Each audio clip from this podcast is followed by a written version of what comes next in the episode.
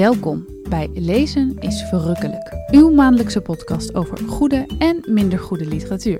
De opvolger van het Zoomcast, nu live vanuit Walters Bookshop. Nog onveranderd is uw gastheer Willem Goedhart. Fijn dat we er weer zijn, Roos. En hartelijk welkom iedereen bij een live opname van Lezen is Verrukkelijk, de opvolger van de Zoomcast. En wij zitten live met publiek. Publiek! Yay! Publiek in eh, het achterzaaltje van Walters Bookshop. En dat is de eh, tweede winkel van boekhandel Godert Walter. En een van onze eh, nou ja, een van onze twee panelleden die vandaag te gast zijn is Erwin K. de Vries. Uh, een van de eigenaren van Walters Bookshop en Godert Walter. Welkom Erwin. Dankjewel Roos. Het tweede aanschuivende panelist van vanavond is Joke Rosier van de uh, Stichting Drentse Literatuurclubs. Literatuurclubs Drenthe. Ah, nog makkelijker. Literatuurclubs Drenthe. Welkom Joke. Dank je. En recht tegenover mij zit Willem Goedhart. Ik ben er ook, namens mezelf. Ja. ja. Belooft een mooie avond te worden. Ja, zeker. Een drukke avond ook. Want uh, we bespreken vandaag de gebeurtenis van Peter Terrien. Maar voor we dat gaan doen, komt er ook nog boekennieuws, boekentips. Er is een column van RTV Noordjournalist Benno de Jong. Uh, kortom, er is een heel druk programma. En dat gaan we allemaal proberen te persen in een uur. Dus, Willem. Zo is het. En dan, uh, dan beginnen we met het nieuws. Want er komen heel veel boeken uit deze weken. Maar het was wel een beetje speuren naar hete nieuwtjes. Maar er is een aantal zaken dat we samen moeten bespreken. En dan beginnen we maar met het uh, meest wonderlijke bericht. Want de NS Publieksprijs wordt niet uitgereikt vanwege manipulatie. Ja, wappies. Ja. Wat vind je daar nou van, Joke? Ja, de, schandalig vind ik het dat, uh, dat uh, die mensen, hoe heet die ook weer? Uh, Thierry Baudet. ja, die. ik wil zijn naam eigenlijk niet eens een... noemen, maar die nou ja, heeft, zijn, zijn mensen hebben de boel gemanipuleerd. En, ja. Om dat boek van hem kennelijk te promoten. En ik, ik heb het idee dat het dan toch daardoor een beetje in de belangstelling is gekomen. Om, omdat nu in het nieuws is dat het om die reden de, de hele prijs niet doorgaat. Dus hij heeft toch op een of andere manier gescoord. Maar ja, ja nou, kijk, eerder hebben ze ook al die bestseller top uh, 60 gekaapt, als het ware. Hè. Twee weken lang stond dat boek op één, terwijl het helemaal niet verkrijgbaar was. Ja. Hoe ze dat ook hebben gedaan. En nu dit. Echter, ik begrijp niet.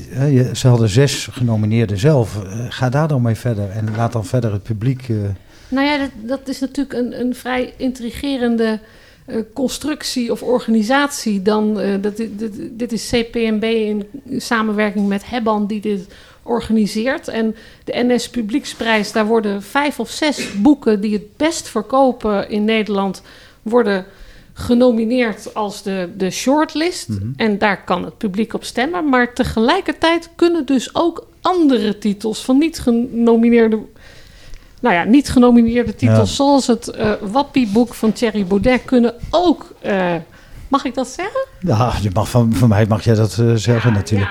Ja, nou, ja, de, we hebben de titel nog niet genoemd. Laat, dat laten we ook zo. Je hoeft niet, niet onnodig aandacht te schenken aan. Nee. gisteren de, na de voetbaltraining werd er bij ons geopperd dat het, nou, als de NS zoiets wil doen, moeten ze gewoon stembussen in de trein zetten. Gewoon met papier.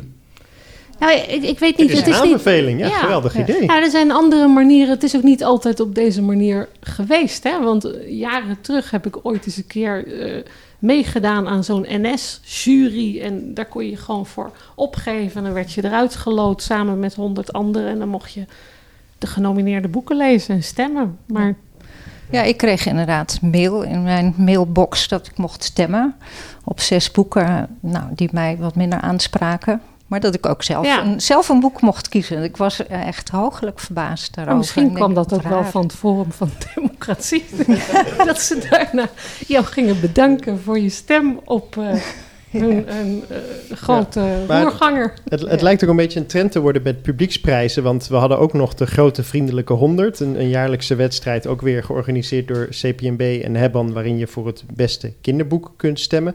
En ook, ook daar werd van alles gezegd dat het gemanipuleerd eh, werd en er was heel veel om te doen. En dus je vraagt je af, ja, is een publieksprijs nog wel zo handig in deze tijden van digitale stemming en dat soort zaken? Ja, wat je kunt doen is een publieksprijs en een juryprijs, hè, een vakjuryprijs. Maar goed, daar hebben ze kennelijk allemaal niet voor gekozen. En Ja. nu wordt die helemaal niet uitgereikt. En dat laatste vind is ik het- helemaal verwonderlijk. Nou, ik vind het wel treurig. Ik snap wel dat ze hier de stekker uit hebben getrokken, want dit kun je niet meer rechtbreien. Dus ik vermoed dat het een eh, opmaat is naar geen internetverkiezingen meer. Dat dat geen zin heeft en dat dat nu blijkt. Ja, nou, daar zou ik inderdaad ook helemaal niks op tegen hebben trouwens. Hoor. Dus. Een vakjury. Een eh, vakjury. dan, dan moet het de naam ook anders, hè? De NS Vakjuryprijs. Wat? eh, En eh, een prijs die gelukkig wel werd uitgereikt enkele weken geleden door een eh, zeer deskundige vakjury was de jaarlijkse Nobelprijs voor de literatuur. Dit jaar aan niemand minder dan Annie Ernaux. Mooie winnaar, Roos. Vind ik wel. Ik eh, eh, vind het een ontzettend goede schrijfster. Of ik ben, eh, denk net als veel andere mensen, pas bij het verschijnen van haar roman De Jaren ingestapt. En nou, we hebben eerder een Zoomcast nog over het, voorval en Ja, En de schaamte. de schaamte opgenomen. Nee, ik vind het een zeer goede schrijfster. En ik, ik ben blij dat zij gewonnen heeft. Ja, Nou, eens, helemaal eens. Geweldig boek. Ja, dat is het enige wat ik van haar ken. Ja. Maar echt eh, om meer van te lezen. Echt, eh, Nou ja, er zijn er sowieso de schaamte, het voorval en eh, meisjesherinneringen. Die zijn. En alles is weer leverbaar, Erwin. Ja, dat klopt hoor. Direct na de, de, de bekendmaking was dat een, even een probleem. Maar inmiddels eh, is het inderdaad wel leefbaar. En het wordt ook inderdaad heel goed verkocht. Daarvoor ook al hoor, trouwens bij ons. Ja. En, maar wat ik ook opmerkelijk vind, eh, ja, zelfs in het Frans wordt het bij ons verkocht. Geweldig. Les années. En de Godert Walter heeft natuurlijk ook eh, als een van de weinige boekhandels een kast met kastje, een bescheiden kast met, Nou. met Franse. Ja, met ten opzichte van welke boekhandel in Nederland zo'n beetje eh, Ja. een echte is dat geen bescheiden kast meer te noemen, denk ik. Nou ja, dat, dat geloof ik subiet. Ja. En Erwin, zijn jullie dan ook extra blij als, als er een auteur wint, hè, een bekende naam, in plaats van, nou ja, soms wint er ook een, een vrij onbekende auteur. Ja, die, de, vorig jaar van Van Gourna, eh die Abdul prijs. Abdul Razak. Gourna, hè? Ja, ja. Ja, nee, ik kom daar straks nog even op terug, Oké. op deze schrijver. En eh, ja, die was voor iedereen, eh, dat was een, eh, een, Onbekende. Een, totaal onbekende. En eh, ja, dat merk je dan toch. Het wordt wel verkocht, maar dat is niet meteen eh, een, een, een topper, zo gezegd. Nou ja, dat kan. Misschien was, was er op het moment dat hij won wel iets vertaald van hem in het Nederlands. Eh, dat vraag ik me zelfs ook af. Ik geloof wel in het Duits in ieder geval. Maar het was ook in de coronatijd, als ik me niet vergis. Hoewel dat Ja. ook één grote tunnel voor mij is hoor, die afgelopen twee jaar. En ja, dan wordt het ook weer lastig om eh, zo'n man onder de aandacht te brengen. Mensen moeten die boeken ook zien. Ja, logisch. Kijk, Erno beleefde volgens mij ook pas heel laat in Nederland. eh, of ja, relatief laat. De, kijk, dat boek De Jaren is, als ik het heel uit mijn hoofd zeg, uit 2008 of zo. En dat kwam pas in 2019 of 20 in Nederland. Ja, eh, dat was haar internationale doorbraak in feite, toch? Ja, Ja. In, door haar, de Engelse editie. Dus kennelijk was de tijd rijp voor Erno. eh ja. Hoewel niet vreemd is hoor. Dit is een, dit is een Franse schrijfster die heel over de afkomst en eh, schrijft. En de, de moeilijke sociale omstandigheden waarin ze is opgegroeid. En wat er allemaal gebeurd is. En dat zie je bij schrijvers als Louis ook. En dat was iemand die... ieder Edouard Louis, Edouard ja. Louis, die, Ja. eh, die echt in de afgelopen jaren echt furoren heeft Ja. gemaakt. En haar misschien wel eens enigszins in zijn kielzog meesleept.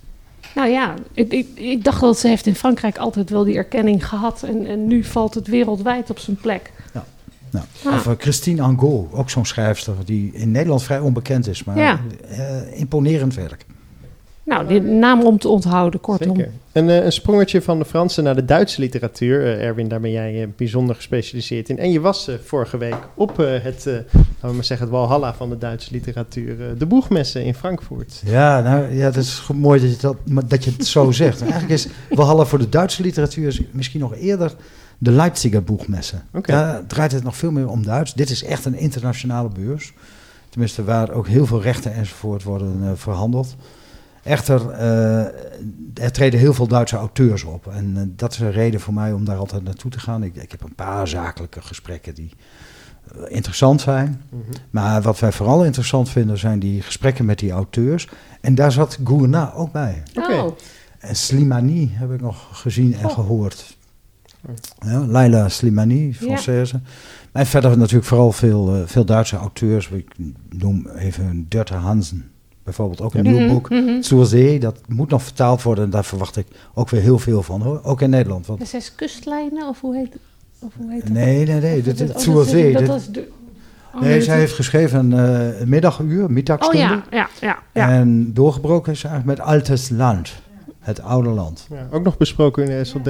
Ja, dat hebben wij bij de literatuurclubs besproken. We hebben Durte Hansen ook uitgenodigd. Het was een ontzettend leuk gesprek. Met, eh, Hmm, Nou, ja, en een ontzettend mooi boek. werd heel erg gewaardeerd. geweldig. Ja, en inmiddels uh, Zur Zee in Duitsland al een hele grote hit. En eh, het verkoopt bij ons ook heel goed. Ik hou dat in de gaten, luisteraar. Ehm, tot zover denk ik het boekennieuws eh, Ja. door met de Ja. show. Nou, dan, dan mogen we gewoon door stomen naar de tips. Want eh, we zitten natuurlijk met mensen aan tafel die wel eens een boek lezen voor hun lol. Hè, Erwin? Oh, ik mag als ik, eerste... ik durf- het woord leuk namelijk niet meer, niet meer te gebruiken. Dus het maakt mij niet uit wie er begint. Erwin, Ja. als jij een, een tip hebt, ah, Ja. eh, kom door. Ja, dit is een jaar geleden in eh, Duitsland verschenen. Destijds ook op de boegmeester door mij Nou, moet, dan moet ik wel even ontdekt. gelijk zeggen, noem de titel. Ja. En, en, want je houdt het mooi omhoog voor het publiek Voor hier. Maar voor de al die, ja. Voor de kijkers thuis, Ja. inderdaad. Ja, En dat is het boek Februar 33, een jaar geleden dus in Duitsland verschenen. Eh, de, de spreker heb ik toen, of de schrijver heb ik toen ook gehoord op, eh, op een van die eh, locaties waar, dat, eh, waar die besprekingen dan plaatsvinden met die schrijvers. En recent is dit verschenen als februari 33. verrassend. Ja, heel verrassend. Uwe Wittstock is de auteur. Het, je zou het kunnen noemen een soort documentaire roman. Eh, februari 33, februari 33 is de eerste maand na de machtovername door Adolf Hitler en zijn Ja. partij. En je ziet erin hoe in een, in een maand tijd die hele maatschappij eigenlijk door die partij overgenomen wordt en de dictatuur wordt gevestigd. En de reactie daarop van de schrijvers die moeten vluchten. De winter der literatuur, de winter van de literatuur is de ondertitel. En eh, ik heb het, eh, als ik het aanprees, altijd genoemd een politthriller zonder weerga. Ja, het klinkt zeer interessant. Is het, is het, maar is het nou een roman, zeg je? Of, of, want het klinkt ook alsof het op werkelijkheid gebaseerd is. Nou, het, het, het, het is een, een mix daarvan. Daarom Ja. dat ik zeg een, documentaire roman. Waarbij ook eh, werkelijk nog eh, citaten uit kranten uit die tijd eh, worden genoemd. De politieke ontwikkelingen vrij letterlijk natuurlijk worden gevolgd. Je volgt mensen als Heinrich Mann, Jozef Roth enzovoort. En hoe die daarop reageren. Nou, dat is natuurlijk gefictionaliseerd. Dat is niet vastgelegd. Nee, nou ja, ik ken wel dat jij hebt twee boeken over die zomer in Oostende. Dat is dan 1936. Volgens mij Mark Schavers, maar ook een Duitse schrijver heeft een boek over. Ja, Volker Weiderman. Ja, En dat ging dan over de, hè, is de laatste ontmoeting tussen Jozef Roth en ja. Stefan Zweig in Ex- 36. Exact, exact. En- Aan de Belgische kust. Klopt. En dat is natuurlijk net zoiets, lijkt het. Of, Dat heeft, eh, dat heeft zeker raakvlakken. Ja, dat, Ja. eh, daar heb, je- dat klopt. Hoewel hier nog veel duidelijker eigenlijk, en, en dat is ook ongelooflijk beklemmend om te lezen hoe eh, die dictatuur wordt gevestigd. Interessant. Ik eh, ben heel benieuwd. Ja. Ja. Joke, wat, Ja, wat ik- kun ik- jij ons... eh, Ik moet gewoon even een paar titels noemen. Ik zit in de boekencommissie van de literatuurclubs Drenthe. De commissie die het, het boekenpakket van vier boeken per jaar uitkiest. En die zijn alweer, die lezen meer dan 100 boeken per jaar. Ik niet hoor, dat lukt mij niet. En de boeken die uitgekozen worden, die worden vervolgens door hoeveel mensen ongeveer gelezen? Door vijf, eh, 1418 leden. Het zet dus zoden aan de dijk als je boek Ja. wordt uitverkoren. eh. Oh ja, uitgevers die springen een gat in de lucht. Ja, als, dat eh, als ik. wij eh, een boek van hen kiezen. Maar ik moet even een paar noemen. Eh, die heb ik zelf nog niet allemaal gelezen. Maar jij noemde Erwin net eh Edouard Louis. Scoort bij ons hoog, hoge cijfers. Is nog maar door twee mensen gelezen, maar negen en een acht.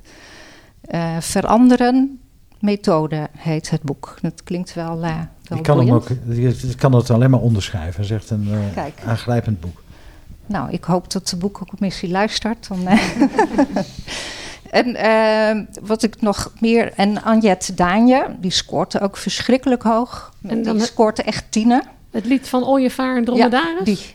Maar nou, moet je gewoon weet niet, het, eh, de, het dilemma is dat het zo dik is. En wij, wij dat is het probleem bij zo'n literatuurclub. Dat je Als je toch altijd vier, een beetje vier gemiddeld boeken per eh, jaar leest, dan, dan moet dat toch wel kunnen? Ja, ja, ja. ja nou, maar als je het nou niet leuk vindt, dan zit je wel aan zo'n dik boek vast. Ah, nee, wat je er helemaal staat dus een lezen. heleboel losse verhalen. Dus het, eh, Mag ik daarbij aansluiten hoor? We hebben een Nederlands leescafé en hebben ook voor dit boek gekozen.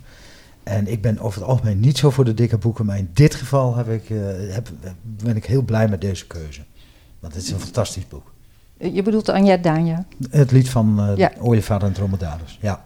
Nee, het is Ja. echt dat is ongelooflijk knap boek. Dus ik, ik ben heel benieuwd of wij daar een keer voor gaan. Want dat hebben we nog En, nooit eh, gedaan, zo'n dik boek. En wat heb je zelf gelezen, Joke, waarvan je denkt, ik hoop dat Ik- die... eh, Ik heb zelf onlangs eh, David Diop gelezen, Fransman. En eh, dat boek dat gaat, dat speelt zich af in eh, Senegal, 18e eeuw. Eh, het is een wetenschapper die daar eh, onderzoek doet, iets op plantengebied, geloof ik. En eh, nou, die beleeft daar, die maakt allerlei eh, Afrikaanse rituelen mee eh, in de 18e eeuw. En eh, die, het gaat over slavernij, het gaat over. het, heet een, het heet een reis zonder terugkeer. Ik moet gewoon even erbij Een reis zonder terugkeer. En, eh, en dat is dan de, de, een slavin die, eh, of een, een eh, Afrikaanse vrouw die op een schip belandt en afgevoerd wordt. En het gaat over een heleboel hedendaagse thema's. Over gestolen cultuur, over ehm, ehm, nou, slavernij, over racisme, over rituelen in Afrika. En het is ontzettend mooi om te lezen. Het is een heel boeiend verhaal. Het is wel een bijzondere schrijfstijl, moet ik zeggen, omdat het, omdat het een vader is die aan zijn dochter schrijft over zijn belevenissen in Afrika. Na, op, en pas na zijn overlijden, hij overlijdt op redelijk hoge leeftijd, leest zijn dochter dat verhaal. En uh, het is ook een beetje in die stijl geschreven, een beetje deftige taal, daar moet je dan weer een beetje doorheen prikken. Ja. Maar Nou. ik, ik uh, vind het een heel boeiend boek en, ik, en mijn boekencommissie die uh, geeft er ook hele hoge cijfers voor. Nou, wellicht wordt dat dus de keuze voor uh, weet ik volgend niet. jaar. Er komen, Wij, nog, wij, wij, wij gaan het onthouden. komen nog honderd boeken, dus, Dus we, jullie kiezen, krijgen het nog lastig. we kiezen pas in maart. Dus, Nog even de tijd dus om te lezen.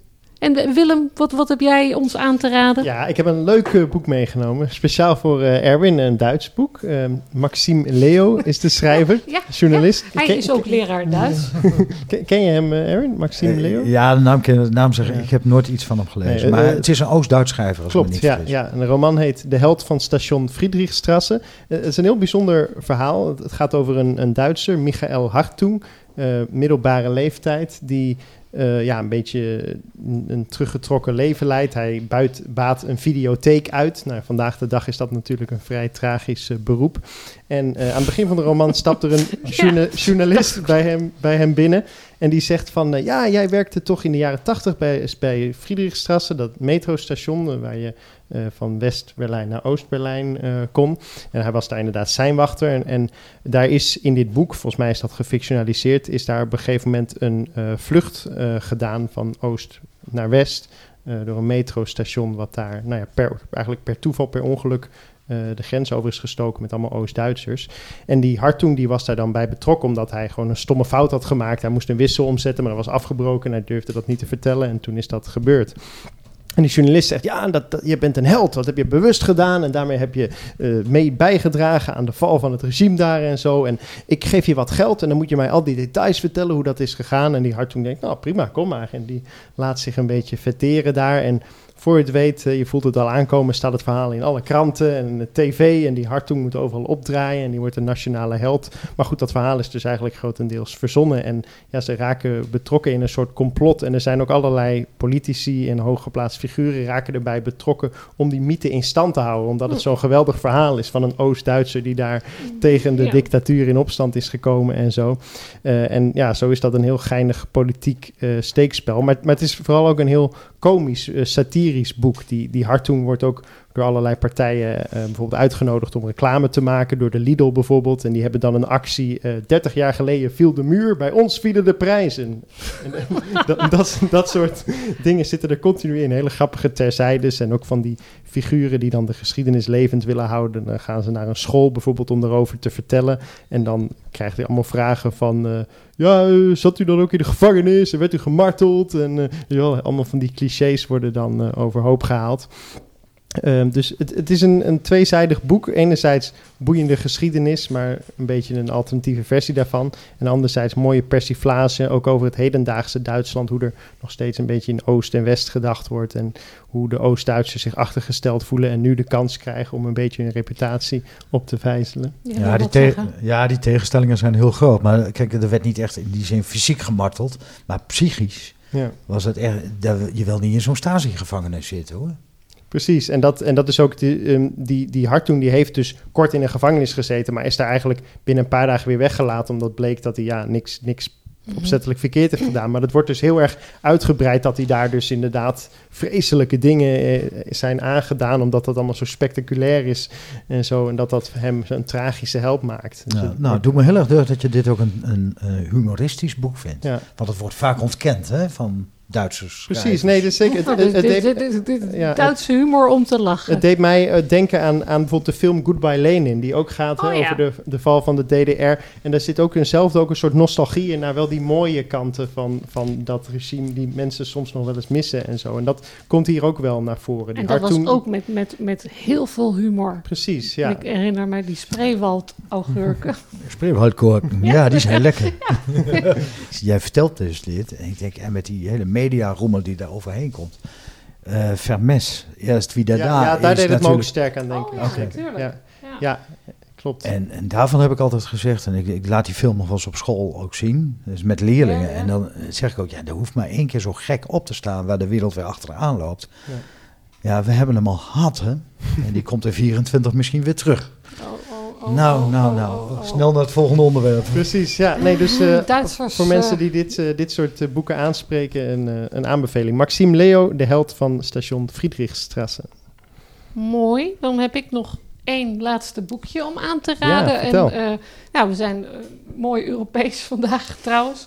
Lekker leuk Europees. Ik, eh, ik, ik heb Jeroen Olieslagers in mijn hand. En dat is een klein boekje eh, getiteld Willem en mijn wellust. Een novelle die je eigenlijk kunt opvatten als een appendix bij zijn grotere roman Wilde Vrouw, die verscheen in 2020. Curieus genoeg eh, is dit boek vorig jaar al verschenen in december in België onder de titel Willem. Dus ik weet niet waarom ze voor de Hollanders er en mijn wellust hebben aangeplakt, maar het is zo. Eh, en ik kan natuurlijk iedereen eh, Jeroen Olieslagers gaan aanraden en zijn stijl gaan roemen. Want eh, dit is echt zo'n Vlaamse auteur die met krullen en tierlantijnen schrijft. En ik hou daarvan. En dat werkt op de lange baan heel goed. Maar ook zeker wel in dit korte, kortere verhaal. Waar eigenlijk, nou ja, eigenlijk twee vertellingen in één. Maar ik dacht, ik kan beter een indruk geven van hoe die schrijft. En ik lees één pagina voor. En wel de pagina die de Groningse antiquaar Nick ter Wal ook eh, vermaakt heeft tot een prachtige bibliophile uitgave. Dat moet gezegd. Artistiekbureau.com of .nl, dat durf ik eigenlijk niet te zeggen. Artistiek Bureau, daar die te koop. Het gaat zo. Boekverkopers zijn de bewakers van schatkamers vol heerlijkheden op papier. En de antiquaren onder hen zijn gelijk de aartsengelen aan de poorten van het paradijs. Al heel mijn leven lang ben ik in de ban van verborgen kennis. Wil ik iets te weten komen van wat slechts weinigen weten, en dan zijn oude boeken gelijk spottende vrouwen met wiegende heupen die beseffen dat ze te koop zijn voor mensen met een volle geldbuidel. Voorheen had ik mij steeds kunnen bedwingen om te stelen in zulke paradijzen. Het vergaren van verborgen kennis op een moreel verdorven wijze bleef wel meer aantrekkingskracht op mij oefenen, uitoefenen dan geld ervoor neer te leggen.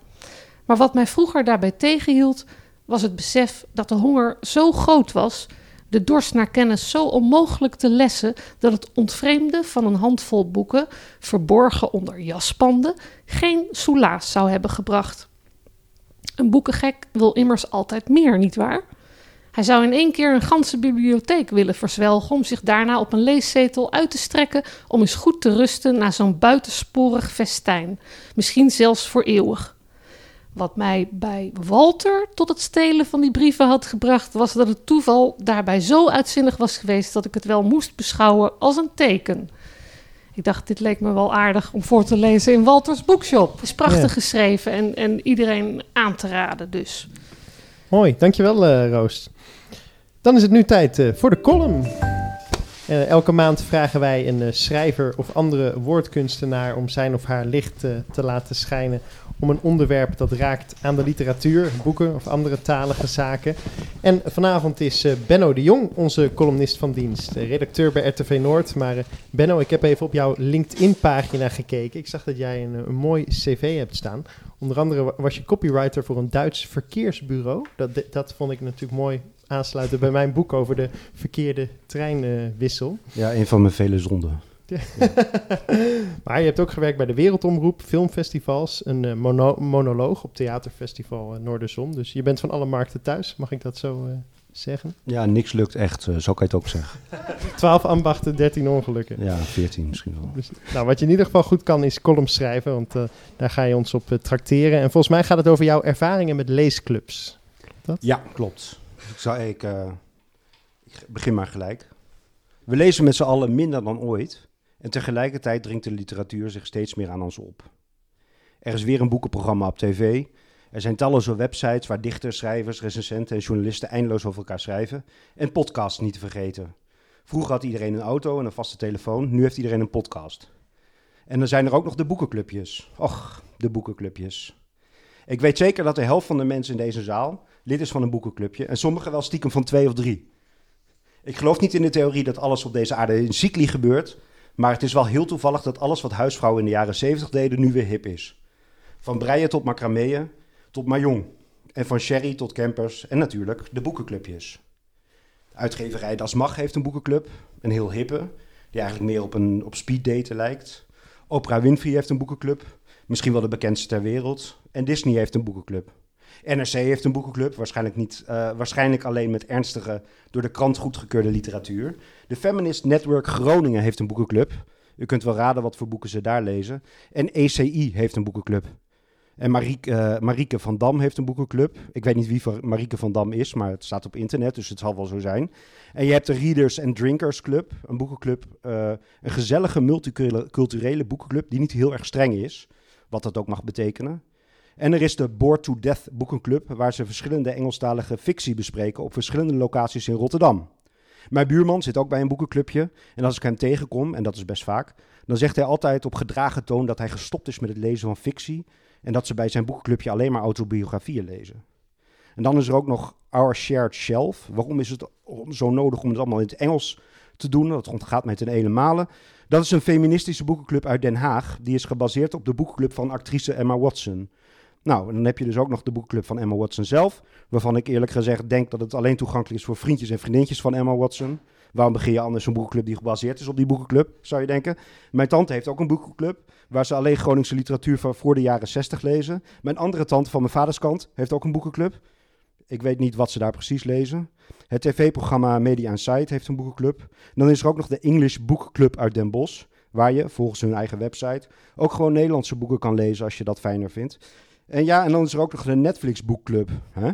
Je gebruikt toch juist Netflix als je er geen zin in hebt om te lezen.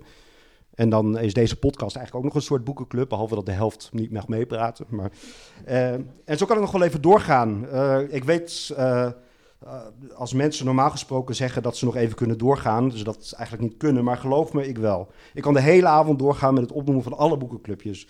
In het land zijn er drie keer zoveel kippen als mensen en 60 keer zoveel boekenclubs als kippen. Het woord hype dekt niet eens de lading. Het is gemeengoed. Het is podcast keer 10. Het is een plaag. Maar ik moet het toch zeggen, ik was een van de eerste die een boekclub heeft opgericht. Het moet 2007, 2008 geweest zijn, ver voor de hype begon. Nou weet ik ook wel dat Socrates ook al een soort boekenclub had. En James Joyce en Ernst Hemingway ook samen. En Benjamin Franklin en zijn vriendjes. Maar ik had de eerste boekclub voor die hele hype van, van nu. Dat bedoel ik eigenlijk. Ik weet het nog goed.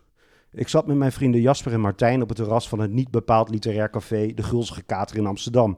We hadden het over een film, ik weet niet eens meer welke, die we toevallig alle drie onafhankelijk van elkaar hadden gezien. We hadden heftige discussies over wat de intentie van de maker was en of het een goede film was of juist niet, et cetera, et cetera.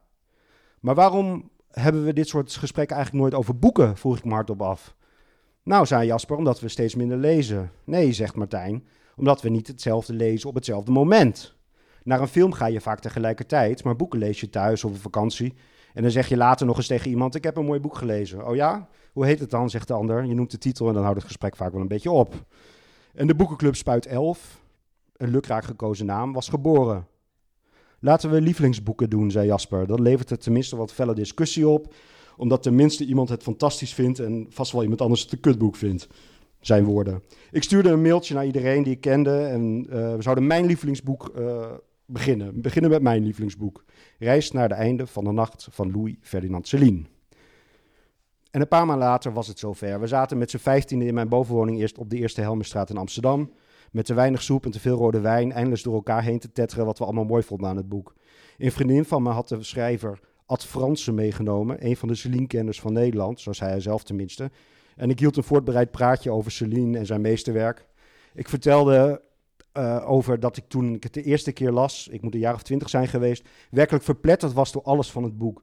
De spreek- en de schrijfstijl in één, de grofheid en subtiliteit in één, de levendige scènes, het filmische deel, de rauwheid, de drie puntjes die Celine achter de helft van zijn zinnen zet. Iets dat ik bewust of onbewust heb overgenomen en nu in al mijn WhatsAppjes te pas en te onpas toepas. Ik vertelde over mijn exemplaar waar met potlood uh, Christophe de Jong, de naam van mijn vader, in stond geschreven. En het jaar 1979 daarnaast. En het kan heel goed dat hij dit boek tijdens mijn verwekking, nou ja, natuurlijk niet helemaal, maar ten tijde van mijn verwekking, uh, u snapt wat ik bedoel, aan het lezen was. En ik vertelde over de kaft met het, met het enge doodshoofd die er helemaal van af lag. En dat het boek tenminste tien keer moet zijn gelezen, waarvan op zijn minst vijf keer door mij. Het tegenovergestelde zeg maar, van boeken van Tommy Wieringa, die iedereen elkaar braaf cadeau doet, maar waar de pretentie zo van afdruipt dat de pagina's vochtig worden en de boeken ongelezen in de kast verdwijnen, daar opdrogen. Maar dat geheel terzijde. Ik vertelde over zijn antisemitisme, nee, niet dat van Wieringa, maar dat van Celine, dat zich pas later manifesteerde. En ik verklaarde tegenover de rest van de boekenclub dat ik nog nooit zoiets moois gelezen had. En dat ik als twintiger met ambities om zelf een literair genie te worden, of nou ja, toch tenminste een roman te publiceren binnen afzienbare tijd, het na het lezen van Reis naar het einde van de nacht allemaal niet meer wist.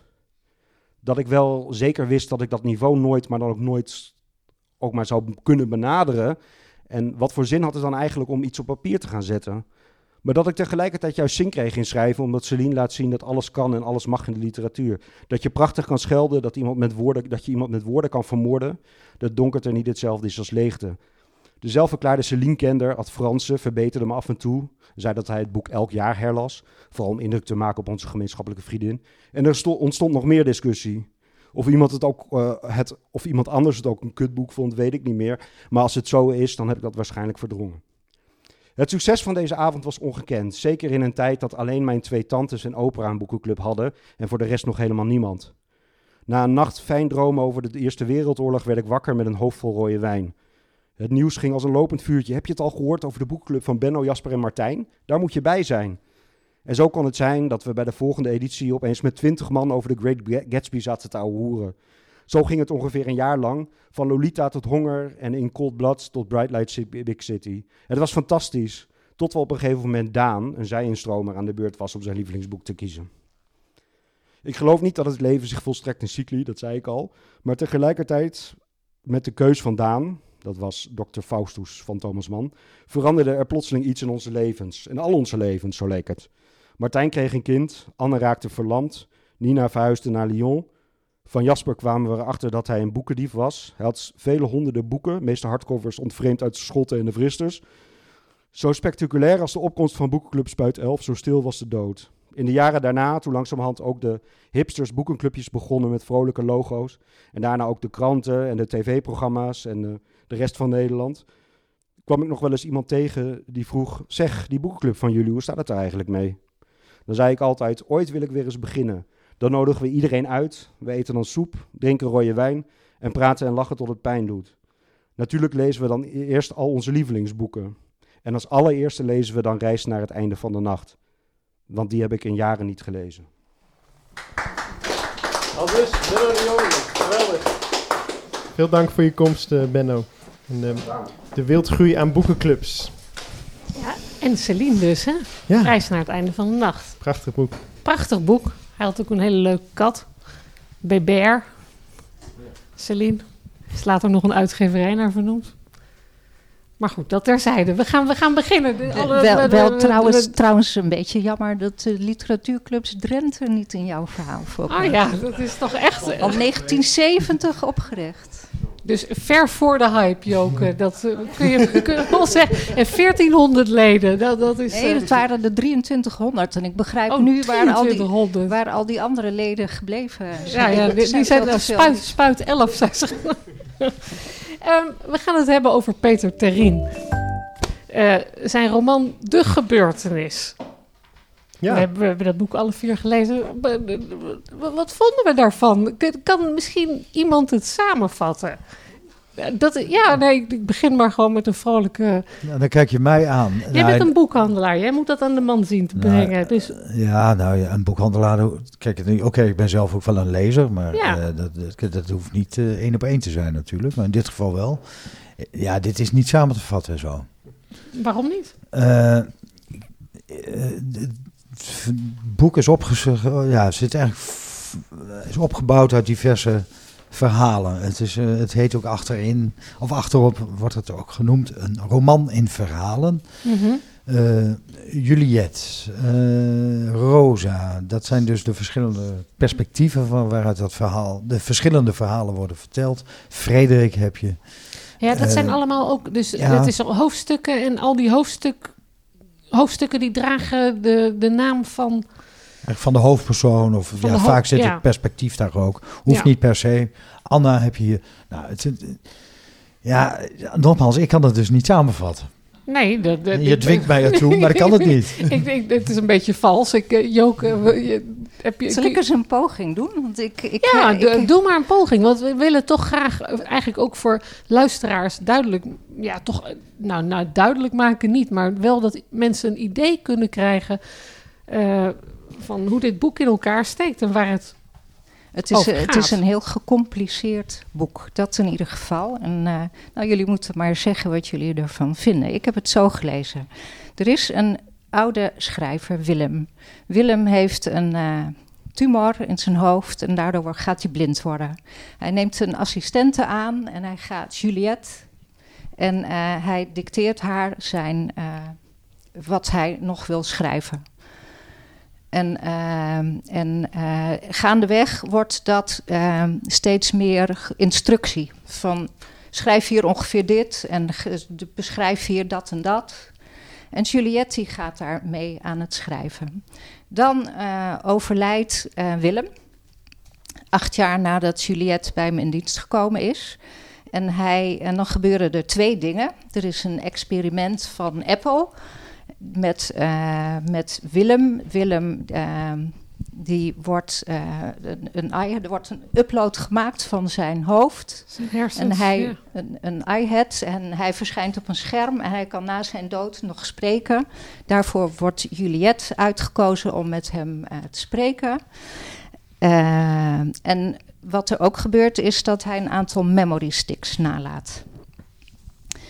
En die memory sticks, dat zijn weer opdrachten aan Juliette om eh, te gaan schrijven. En Juliette die gaat dat doen. En ehm, dan moet ik even nadenken hoe dat dan verder ook weer ging. Dan hebben we te maken met een jaloerse echtgenote van Willem, Femke, of een partner. Ik weet niet of ze getrouwd waren. Ja, is een jonge vrouw. Een jonge vrouw, 43 jaar is ze, geloof ik, op het moment dat, ze, dat, ze, Ja, dat hij is jong. overlijdt. Of, Jong nou, en hij, hij is hij is oud ouder. en zij is jong. en Femke die bestrijdt dat, eh, dat Juliette met hem in gesprek mag met die iHead. En eh, dat Juliette die, eh, die memory sticks mag uitwerken. Maar Juliette die wint dat geding, komt bij de rechter. En Juliette schrijft een boek daar, eh, daarvan. En dat boek dat heeft als titel, het staat ergens achterin, misschien moet iemand mij even helpen. Ja, dat, dat, dat kan ik. En hoe dit boek nou volgens mij in elkaar zit. Er zijn drie hoofdstukken Juliette. U bevindt zich hier. U bevindt zich hier. Nou, dat is essentie. We hebben het vast straks nog over. Een van de essenties van dit boek. Eh, dus, maar hoe dit boek in elkaar zit, er zijn drie hoofdstukken Juliette. En in Mhm. die drie hoofdstukken, daar zien wij wat er in Willem zijn hoofd gebeurt. Wat Willem aangeeft aan hele korte eh, details. gaat over een hond die, eh, die zijn vrouw graag had willen hebben... en die hij niet wil hebben omdat honden altijd kwijtraken. En zo zijn er een heleboel dingen. En die hoofdstukken daartussenin, wat Erwin net noemt... Anna en eh alle, alle Frederik Rita en, Rosa, Rosa en Frederik. dat zijn volgens mij de verhalen die Juliette op basis van de dingen die Willem heeft aangegeven uitwerkt. Ja, dat klopt. Dat, Dat, eh, kan, ik, kan ik beamen. Ja? Daar, zo heb ik het ook daar zijn jullie heel, heel stellig in. En ik, ik, En, en, daar, en ja, daar, dat is ook waar het boek volgens mij over gaat. Van hoe schrijft de schrijver? Hoe mhm. er gebeurt iets en wel, hoe gaat dat dan in een roman? Eh, hoe zie je dat dan terug Ja, in een j- roman? jullie, jullie zijn allebei heel stellig van dit zijn de hoofdstukken, eh, dit is de hoofdlijn. Juliette is de assistent van de blinde schrijver. Willem zei, eh, hij dicteert, zij schrijft op. Zo begint het ook. Maar wat ik al intrigerend vind, Jook, is dat jij er een eh, chronologische vertelling van maakt. Van, nou, zo is het. En dan gaat hij dood. En, dan... en zo zit het boek niet in elkaar. Nee, absoluut niet. Maar dat had Dat- ik nodig het boek- voor mijn boek- eigen beeld. Ja, nee, je, je probeert als lezer dus iets te reconstrueren van wat er in het, in het boek gebeurt. En nu lijkt het heel eh, duidelijk te vatten door, jou, eh, door jouw heldere uitleg. Terwijl eh, ik had er veel meer moeite mee. Ik weet niet hoe, hoe Willem... Ja, nee, kijk, als je het inderdaad zo op een rij zet, denk je, oh, dat valt best mee. Dat is, eh, dat is helder.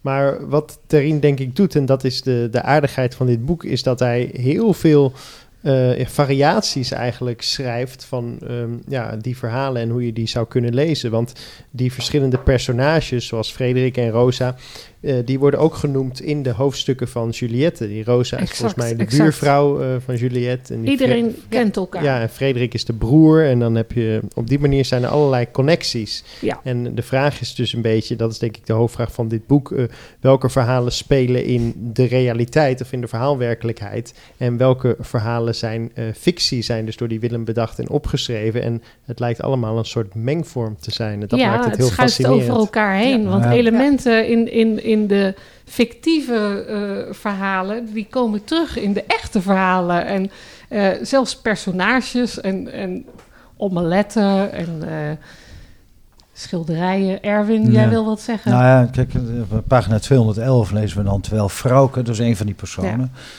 het personage in wie iemand Femke zou kunnen herkennen. En Femke was dan weer die vrouw, vrouw. vriendin Femke van Willem. ja, Eh, dat geeft toch een aanwijzing dat, dat wat Joke ook net zegt, dat die eh, verhalen nadien, hè, dus na dat eerste hoofdstuk, wel degelijk ergens uit die pen van die Willem of uit het hoofd van die Willem komen. dat, dat is jij, haalt het slothoofdstuk aan. En, en eh, waar Joke over, eigenlijk het meeste van wat Joke vertelde, dat zit in het beginhoofdstuk.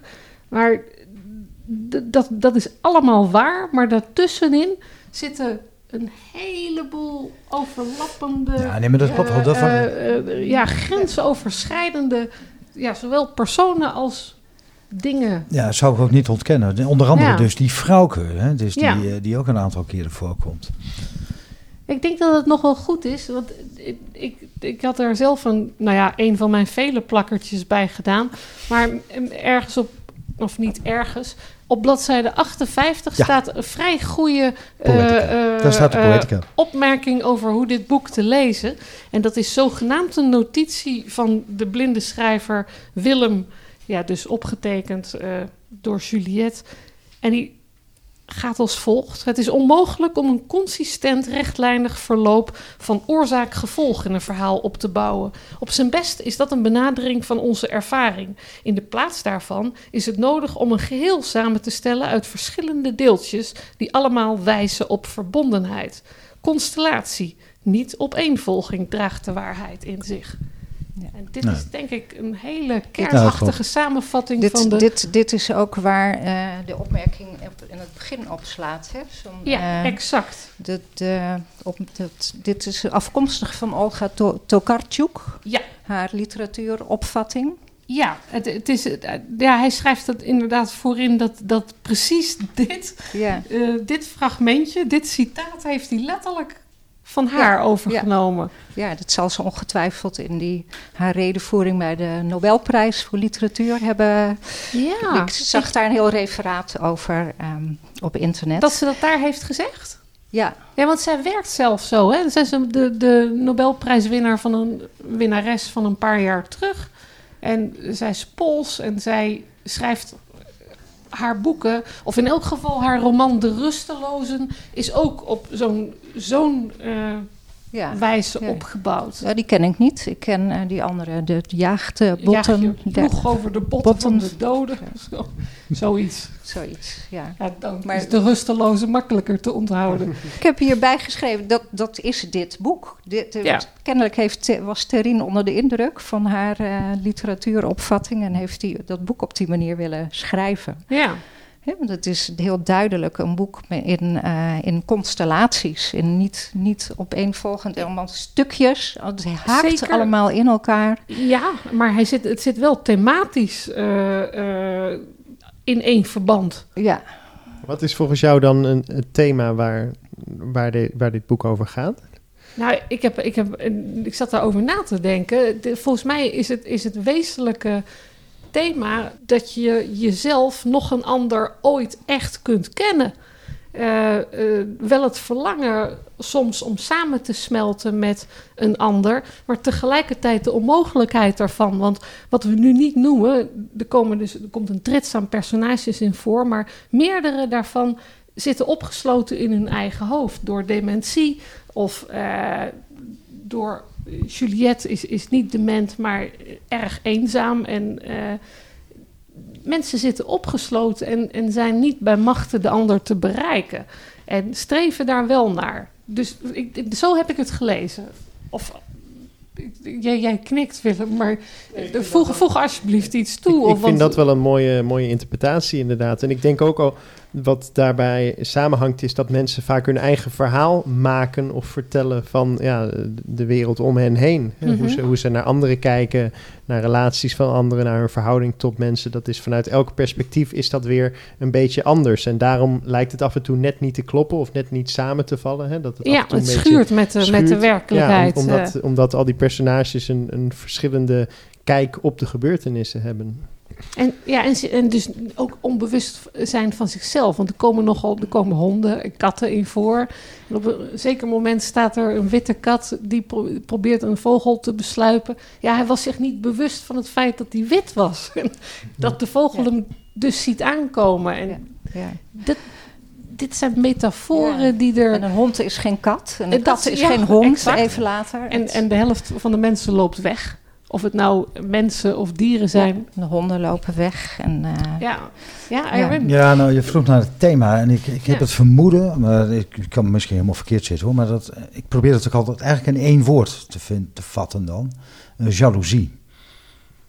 Eh, en ik heb, uit, ja. ja. ik heb een aantal, eh, aantal passages wel, of ja, het zijn eigenlijk gewoon zinnen. Kijk, pagina 220, ze lacht en zegt dat Willem, dat is dus die schrijver, om hier Ja. te- de dode schrijver, bijzonder jaloers is. En je vindt dat bij een aantal personages in al die verhalen eh, terug. Eh, ik kan nog wel eens even horen. Jacqueline en Rosa. Zo zijn er natuurlijk een aantal dingen. Daar moeten we ook maar een literatuurwetenschapper daar maar eens heel wat uren in gaan steken.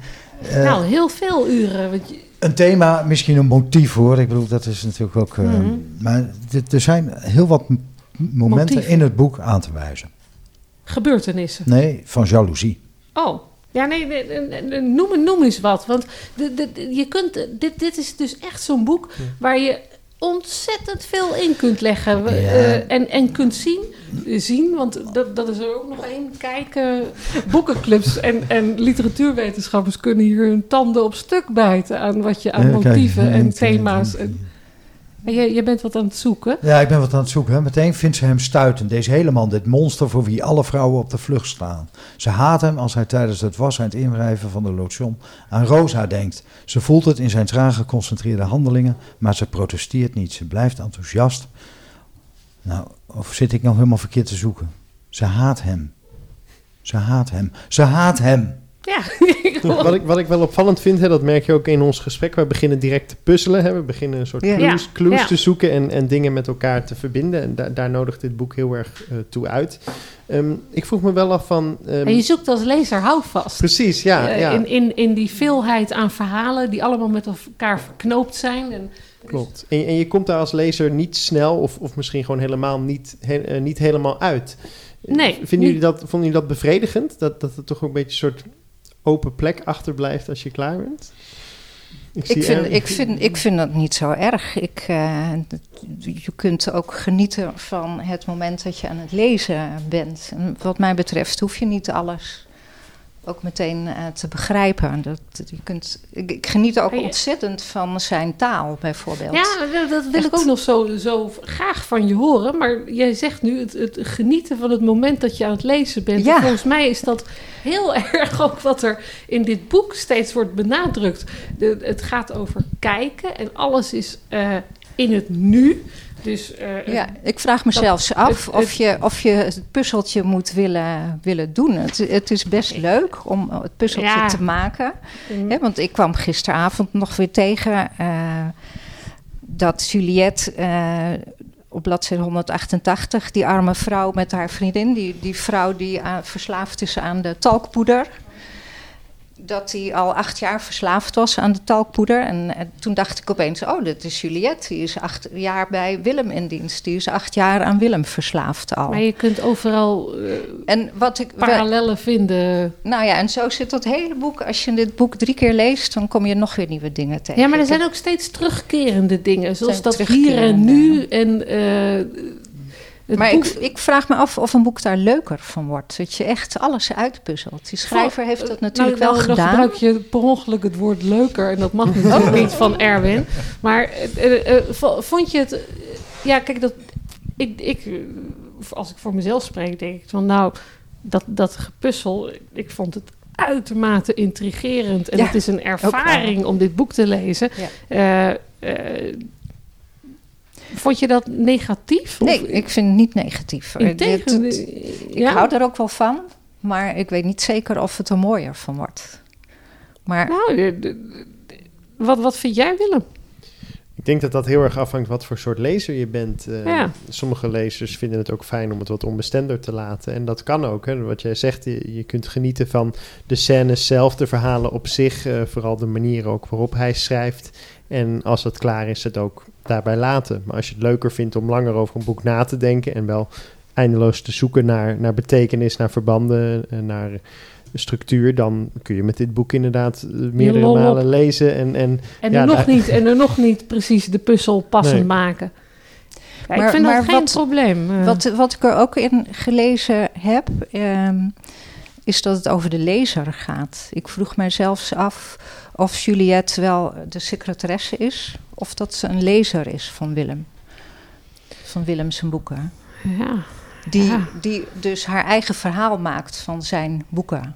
Nou ja, dat, dat wordt gesuggereerd. Hè? Daar, gaat, daar gaat ook de rechtszaak over. En inderdaad denk ik dat het lezen en de leeservaring ook wel een, een eh, opzet is van de auteur Peter Terin. eh, Ja. met, dit, met dit boek.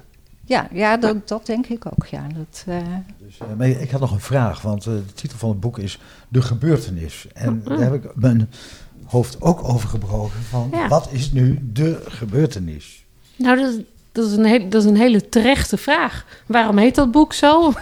Eh, Ja, er gebeurt van alles in dat boek, maar eh, de gebeurtenis, dus het, ja, dan denk ik ook, ja, er moet ook een verbindende schakel tussen al die verhalen zitten, waarin ja. die gebeurtenissen, misschien is dat wel de Willems dood. Ik, eh, Nou ja, een scène die een aantal keer letterlijk terugkomt is dat toneelstuk. Hè? De Ja. verschillende personages gaan naar een toneelstuk kijken en een van de personages speelt als actrice in het toneelstuk. En daar zie je denk ik ook weer dat motief van het kijken. Dat eh, al die personages kijken op een heel verschillende manier naar dat stuk en beschrijven het ook op een verschillende manier. Net alsof het steeds net een ander verhaal is, omdat zij het ja, anders Ander, anders beleven. zien en anders interpreteren. En het is niet zo dat, dat dat toneelstuk nou heel veel teweeg brengt in het leven van die personages of zo. Maar Maar er zijn ook wel, Maar- ook wel echt gebeurtenissen die iets eh, in, in elk hoofdstuk is wel iets wat de loop van een leven eh, eh, doet wijzigen. Alleen ik zit even te zoeken in mijn boek, want er is goed, één le- letterlijk moment. En eh, dat is Dat tijdens die tentoonstelling. Op bladzijde Ja. 152. Nee, dat klopt. Het kijken was de gebeurtenis. Had ik Ja. buiten op het bordje Ja. gelezen. Ja, pagina 152. Ja, precies. Klopt. Het is Ik ons allemaal hier. opgevallen. Ja, eh, het ging niet om de wind door de bomen, nog om de verwondering of de verstilling van de kunstenaar op het ogenblik dat hij zijn opname maakte. De echte gebeurtenis werd niet getoond. Het kijken was de gebeurtenis, had ik buiten op een bordje gelezen. Het ging om dit moment, het hier en nu, in deze gewijde duisternis bij de warmte van de filmprojectoren.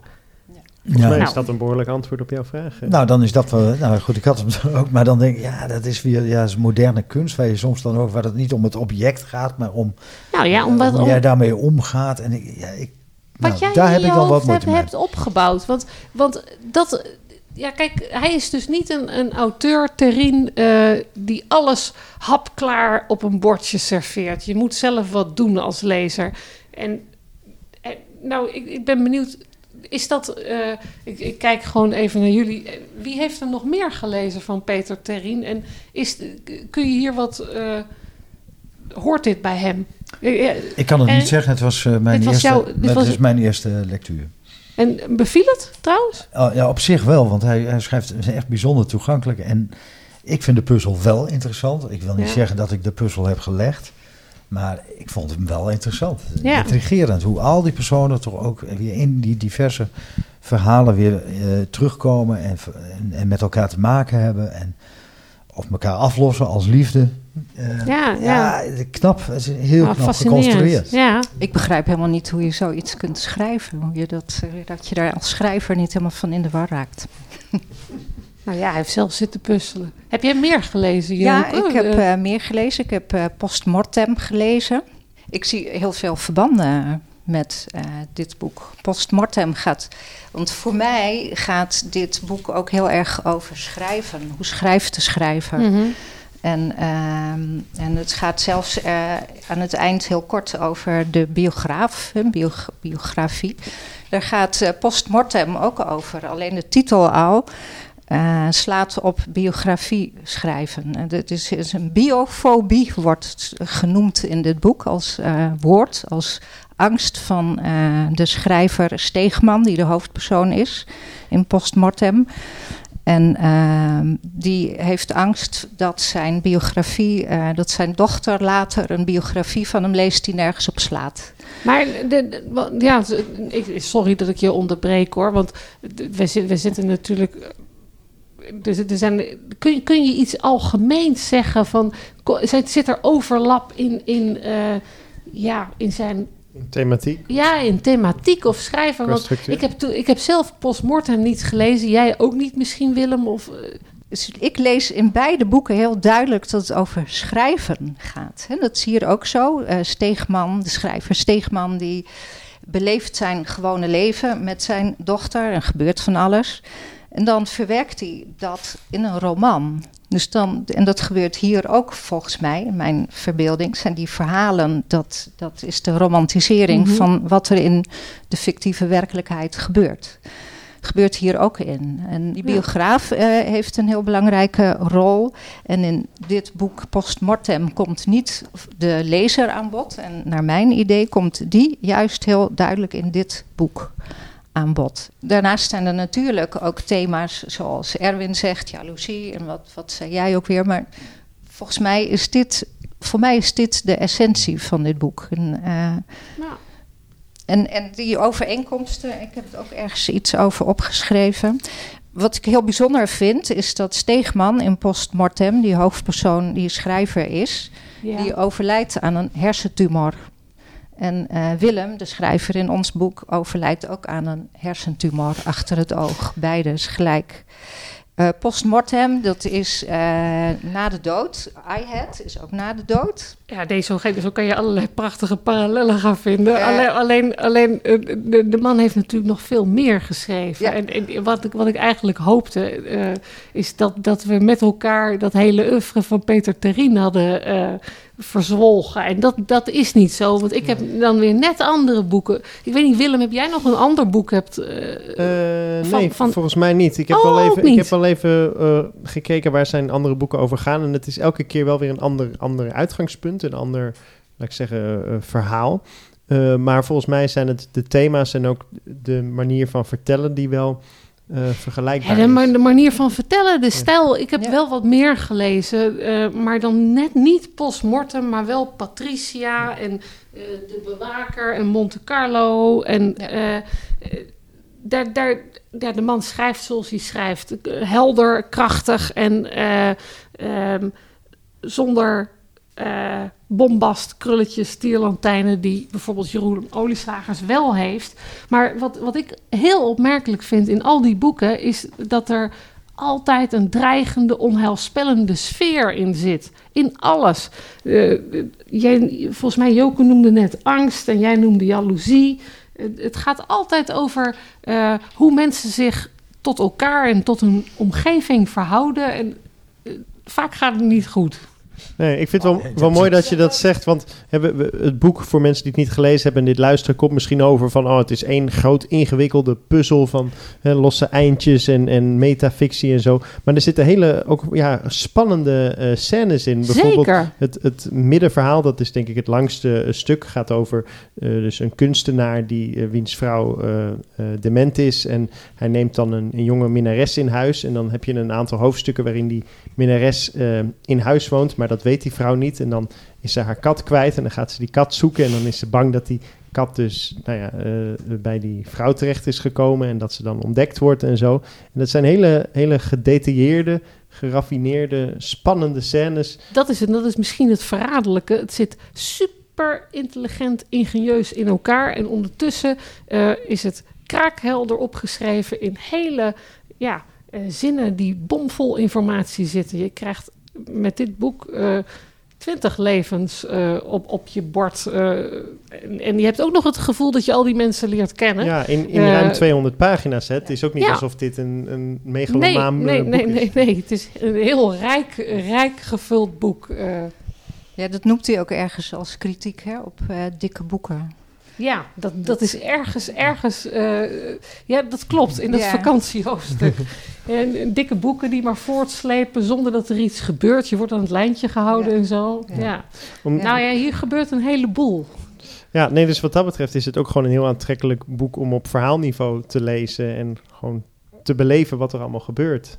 Ja. En elke keer weer ook de vraag van, hé, hey, waar ben ik nu weer in? Welk hoofdstuk, in welke setting zit ik nu? En wat gaat er gebeuren met deze personages? Want je voelt inderdaad dat er iets te gebeuren staat, hè, de gebeurtenis. Altijd. Al, en dat maar je is weet niet volgens mij precies wat. altijd bij hem. Er Ja. staat iets te gebeuren en het is eh, meestal onheilspellend. Hoewel dit einde helemaal niet zo onheilspellend was. Volgens mij eh, kun, je, kun je zeggen een happy end. Een happy end, ja. Ze- het eindigt met een kus. Nee, er werd net al iets gezegd van literatuur en, eh, en, en het dreigt allemaal de verkeerde kant op te gaan. Ik zeg heel vaak zeg, tegen klanten van, eh, ja, nou ja, hier staat een kast vol, het loopt allemaal verkeerd af. Met, Ja, maar dat maakt literatuur natuurlijk ook interessant. En, en dit, dit eindigt toch niet. Ja, er zijn een heleboel losse eindjes, maar Ja, het nou gaat om sferen hier. Ja, die, hè, die sfeer, eh, nee, het is bijzonder toegankelijk, voor precies wat jij zegt. Ja, En dat is meteen het verraderlijke van het boek, omdat het, eh, ja, dat er allemaal met, het hangt allemaal met elkaar samen. ja. En dat Ja. te ontrafelen bij één keer lezen, want dat, ja, dat red ik dus niet. Dus, wij, één wij, keer. de, dus we gaan dit herlezen. Nou ja, of wat ik zei, dan moet maar een literatuurwetenschapper daar uren op gaan zwoegen, want dat is echt Nou een ja, kluif. Het is een kluif, maar je, je kunt het ook luchtig lezen en alles vergeten wat je in eerdere hoofdstukken hebt gelezen. En dan is het nog steeds vermakelijk. Dat, eh, maar dat zal ik ook niet ontkennen. Ook dat Ja. die zoektocht naar die hond die eh, Ja. Weggelopen is. Zo, dat prachtig. prachtig. Hond pruts. Om ehm, denk ik een beetje richting de afsluiting te gaan. Eh, Ja. Ik heb even de receptie nog op nageslagen. Het boek is echt overal besproken. Het is overal ook heel lovend besproken. Terecht, Elke, terecht. elke journalist is enthousiast. Ja. Ehm, wordt dit ook een boek wat, wat prijzen gaat winnen? Wat, wij, wat we Ja. ons gaan herinneren over een aantal jaar? Wat, Ik, denk- ik denk dat het eh, eh, een, een, wel een, een behoorlijke kans maakt om genomineerd te worden eh, voor de shortlist eh, van grote shortlists van grote prijzen. Jazeker. Al, als het niet een winnaar is, dan hangt er vanaf wat er verder eh, verschijnt natuurlijk. Maar Ja, ik denk het ook. Dat, het, dat dit boek eh, genoeg diepte biedt, zeg maar. en absoluut. Ja. Om, eh, om daarvoor in aanmerking te komen. Het is, het is niet, niet volgens mij, Peter Terrien, die wordt niet. Die, die is in België een grootheid. En, Ja. en in Nederland vooralsnog. Ja, heeft, We staan weer met de ruggen naar elkaar. Nou Ja, ja, ik hij- begrijp het niet. Want het Nee. is, het is eh, een, een schrijver die volgens mij in Nederland heel goed zou kunnen doen. Misschien, het, het wordt tijd dat dat, dat is eh, Nou, gebeurd. Als, als dat al niet zo is hoor. Want ik, Ja. ik durf niet helemaal... ja, en aan de receptie en de prijzen ligt het niet. eh, eh, hij is... nou, en aan zijn werk ook Nee, niet. nee, zeker niet. Dus Nou, mogen deze podcast daar dan een bijdrage aan leveren? Precies, precies. laten we het hopen. Nou, wij raden het alle vier aan, toch?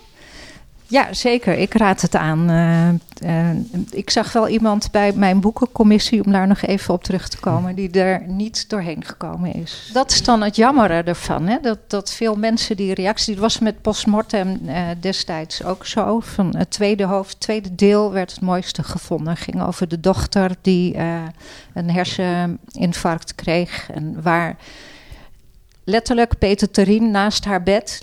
Echt Peter Terrien. Het gaat altijd over fictie en tegenover werkelijkheid bij hem. Eh, naast haar bed op een typemachine Mhm. het verhaal zat te typen. En Dit- dat, dat was het mooiste deel van het boek destijds. Het, is Ik- besproken ik bij de literatuurclubs. Dat, dat, en, eh, dat na eh, postmortem, dat ze dan dus bij de literatuurclubs hebben gelezen, moet je dit ook vooral erdoor drukken, Kijk. Joke. Want ik, de eh, gebeurtenis, de gebeurtenis, Anje Daanje. aan mij zal het niet liggen. Wij, wij, wij weten nu al wat Drenthe gaat lezen volgend jaar.